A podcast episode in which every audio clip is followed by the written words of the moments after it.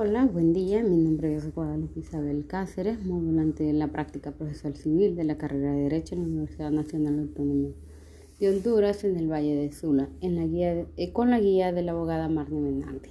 El tema a tratar en esta ocasión es el de la oralidad.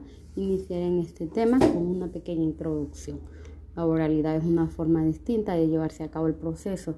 Es oral en tanto que las pretensiones, argumentaciones, pruebas que se aporten durante el desarrollo del proceso se deban plantear, introducirse y desahogarse en forma oral ante el juez o el tribunal. Privilegiada la palabra hablada por encima de la escritura, aunque no decimos que ésta sea erradicada por completo del proceso. Es un mecanismo que nos permite la vigencia de los principios de publicidad, inmediación, contradicción y expedientes del proceso toda vez que los testigos declaran de viva voz, los peritos explican de manera clara sus dictámenes. Los documentos son leídos en voz alta, fotos, videos y objetos son descritos, explicados y narrados por los testigos, peritos y las partes. La oratoria es un requisito esencial en un abogado, en una de las habilidades que debe poseer un abogado a la hora de ejercer su profesión una demostración de seguridad, liderazgo y formación. Los profesionales del derecho deben de ser capaces de persuadir, callar, escuchar, liderar y trabajar en equipo. Cualidades todas ellas dignas de un buen orador. Actualmente, un abogado no se busca ya tan solo conocimientos legales, sino otras características como empatía, accesibilidad, capacidad de comunicación, las relaciones entre contratos clientes se estrecha cada vez más proporcionando una mayor confianza en los servicios. Las nuevas expectativas han provocado que la demanda de formación en oratoria se generalice en los estudiantes de derecho y también para aquellos profesionales que ejercen y pretenden mejorar su actividad laboral ofreciendo este plus a sus clientes. No es posible obviar que la abogacía requiere aprender a dominar el comunicar. De hecho, los expertos definen el derecho como un debate o un ámbito jurídico en el que se busca defender unos argumentos con el discurso que siga convencer al juez. La oratoria pretende dar a los abogados los recursos necesarios para conseguir demostrar una mejor capacidad de expresión, el lenguaje más rico, los reflejos a la hora de argumentar, y en capacidad de adaptar el registro o la seguridad en el que él habla. El juicio definitivo se puede decir que aporte fortalezas y seguridad al abogado, tanto en el juicio como en las reuniones de empresa. De igual manera, hay que señalar que la oratoria también es positiva y a su vez ganas de ganar clientes que van a decidirse por un abogado cómo hable o cómo se expresa. Por otro lado, la oratoria aporta inteligencia emocional, que mejora la comunicación con el cliente, creando en torno este una relación emocional que le permita confiar en sus juicios y sus talentos. La importancia de la persuasión es totalmente clara al momento de comentar o dialogar en público. También la transmisión de la sinceridad que permite emocionar a los receptores. El hablar en orden y con claridad entusiasmo, con persuasión, con eficacia. No es un lujo, sino una necesidad en el profesional del derecho. Si la imagen que se requiere dar a sí mismo es la de una persona con actitud positiva, el lenguaje es el principal argumento que debe utilizar para transmitirla, además de la motivación y la vocación de servicio público. Para ser un buen abogado es necesario contar con la habilidad personales profesionales que permitan desempeñar la labor. Junto con la capacidad de análisis, un abogado debe de ser capaz de argumentar adecuadamente en cada situación, tanto sus clientes como tribunales. Y aquí la oratoria y la elocuencia juegan un papel fundamental. Haré mención de algunas claves de la oratoria jurídica. El dominio pleno. El abogado debe conocer profundidad el caso que va a tratar en todas sus vertientes, desde la persona hasta los implicados jurídicos. Es ese conocimiento el que apuntará su confianza y le permitirá construir un discurso estructurado, claro, con vocación de persuadir para lograr los objetivos marcados. Experto jurídico. Más allá del caso concreto, un abogado debe mantenerse al tanto de los cambios jurídicos que afectan a sus sectores para saber cómo reaccionar ante cada situación. La estructura de improvisación controlada. La clave de un buen orador es construir el esquema de un discurso claro que sea capaz de seguir a tiempo, que improvisa las palabras concretas evitando leer directamente un documento. Para este es necesario tener un claro dominio del tema que aborda y que en materia jurídica que le afecta. Las habilidades argumentativas. El orador debe de ser capaz de construir argumentos sólidos para defender su posición y a la vez debilitar la postura del rival, refutar sus ideas y argumentos. Atención a la comunidad verbal y no verbal. Más allá de las palabras que configuran un mensaje, el orador debe y domina los gestos, el tono de voz con lo que debe desarrollar su discurso en función del público y objetivo de siga. La atención está esta clave ayudará a que un abogado mejore su retórica, pero la maestría solo se logra con la práctica, a la hora de preparar una intervención o un discurso.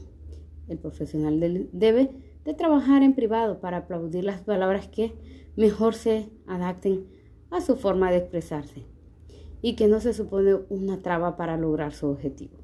Otras recomendaciones que se hacen los expertos para mejorar la oralidad jurídica es acudir a los tribunales para ver cómo se resuelven los profesionales y aprender así de su experiencia. El orador jurídico debe de ser además un buen actor que debe vencer el auditorio con sus alegatos y argumentación, mostrando su conocimiento de las leyes y jurisprudencia. Tener una visión íntegra y profunda del caso. Cuidar cada detalle de forma tal que la hora de exponerlo el oyente pueda cambiar de parecer obteniendo su cooperación voluntaria. El orador debe de, debe de tener, tener su propia ética frente al público especificado, aunque muchos de ellos puedan parecer mecánicas o rutinarias. No puedes padecerse por pasarse por alto la importancia de la posición que ocupa como comunicador entre las partes. Cualidades físicas. El aseo personal, el vestido, la actitud mental positiva, goce de buena salud física, gozar de buena salud psíquica. Las cualidades intelectuales, memoria, imaginación, sensibilidad, iniciativa. Cualidades morales, honradez, puntualidad, sinceridad, congruencia y lealtad. Hablar en público puede ser vocación o un reto que nos importen las circunstancias es una habilidad importante, pues no permite destacarnos, potenciar la autoestima e influir sobre las personas. Sin embargo, el miedo a equivocarnos y a ser rechazados, mejor conocido como el miedo escénico, es un enemigo por vencer para poder triunfar como un excelente orador. Enfrentarse a un amplio auditorio resulta un gran desafío, la postura, la forma de aprendizaje, el silencio y la compartición son los ejes fundamentales a la hora de desempeñar esta tarea. Resulta primordial intentar transmitir un mensaje claro en el discurso o en la defensa o acusación que se presente. No importa la dimensión de la, de la audiencia. La comunicación debe ser directa y moderada, como una conversación uno a uno. En la postura con la que se presenta el diálogo es uno de los ejes principales. El 80% de la presentación depende de cómo exhibir el orador. Tanto conceptos como firmeza, seguridad son las claves a la hora de querer captar la atención del público. Acciones como ocultar las manos es una señal que demuestra poco amigable. Es probable que el auditorio descodifique que ese mensaje como ocultamiento y falta de firmeza. No mirar a los ojos es otra señal que inspira desconfianza, pero hay que tener en cuenta que el exceso de seguridad tampoco es bueno. Adoptar una postura corporal demasiado arrogante puede generar rechazo. El tipo de lenguaje puede ser tanto en el momento de claro, el uso de jerga profesional debe de ser acorde a la calidad, aún más a los profesionales del derecho. Los conceptos y las palabras complejas fueron contextos tienen como único objeto de confusión y deben dar, darle otro sentido al discurso o a la audiencia como tal. El lenguaje no verbal es el lenguaje corporal, lo que transmite por medio de movimientos o gestos. Delata completamente los sentimientos o percepción acerca de las personas con las que está interactuando. Evita momentos exclusivos de los abrazos y las manos. No manipular objetos durante la presentación, dirigir la mirada a todo público, intentar mirar todas las personas. La elocuencia es un fundamental expresarse en público de forma fluida, elegante, persuasiva. Es una manera de expresar emociones de tal forma que produce convivencia, persuasión y a los oyentes mediante lengua hablada de una forma llamativa y apropiada. Es decir, la oratoria es el arte de hablar con elocuencia. Cuando se habla del arte de la abogacía diferente, nuestra profesión de otras por uso de la palabra. Podemos decir que hablamos o escribimos con elocuencia cuando nuestra comunicación es eficaz. La exigencia de los abogados que sean elocuentes es completamente con la misma e-, exigencia para que los jueces sepan distinguir entre la elocuencia que funda derechos y lo que induce al error. Joaquín María López señala que la elocuencia judicial es la más difícil de todas. Cita Sincerón, en todas las demás materias el discurso es un juego para el hombre, que no carece de, de talento, cultura, de hábito, de letras y de elegancia. En el debate judicial la empresa es grande y si no sé decir de lo más grande de las obras humanas. Debemos señalar que hay muchas características deseables del profesional del derecho y una de ellas es la de ser buen argumentista. Argumentar es una de las razones en apoyo a las conclusiones en el ámbito, es decir, firmar de, trata a la colaboración necesaria. La conclusión jurídica es la pretensión de las partes o la decisión del juez o jueza que puede definir una de ellas, ambas o ninguna. Culmina esta lección de elocuencia dicha por el gran Joaquín María López. La elocuencia parlamentaria, la tribuna.